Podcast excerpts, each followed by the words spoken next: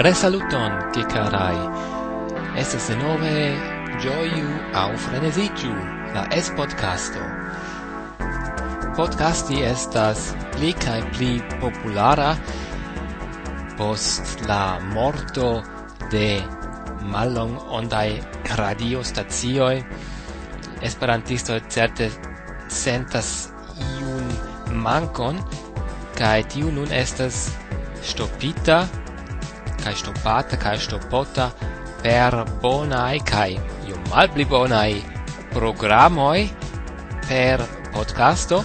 Eh, aldonigis antau kelkai tagoi nova podcast stazio gino nomigas Radio Verda kai mi vere povas gin ege recomendi al vi. Simple iru al radioverda.com kai tie vi trovos cion besonatan.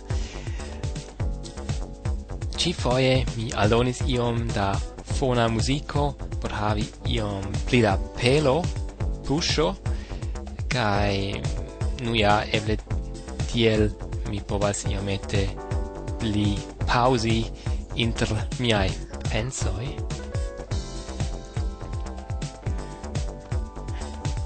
hodiau um, uh, estas proverbo kiun mi legas uh, sed fakte kio estas proverbo la difino la piv estas popola maximo enhavanta consilon au constaton pri ia generala psicologia au morala verajo. Do, eh, kiel ni scias, eh, Zamenhof mem tradukis centoin da proverboi kai ella proverbaro esperanta mi legas al vi unu au du proverboin eble tri. Kiu iras sperte iras certe kiu jam havas, tiu pravas. Do, ofte en la proverboi estas le pli efika je la rima flanco ol en la enhava flanco. Do, ofte gi bone rima sed la enhavo estas iomete mm, ebena au nenion dira kiu resonis, tiu sindonis.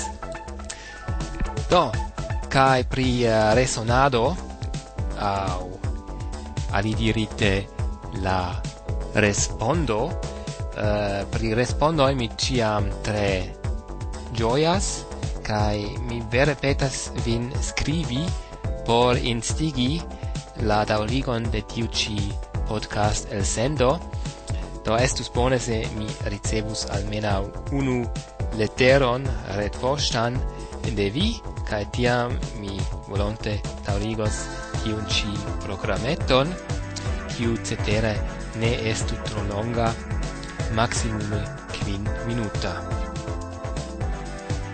Gis reaudo diras al vi Rolfo el Esperantio.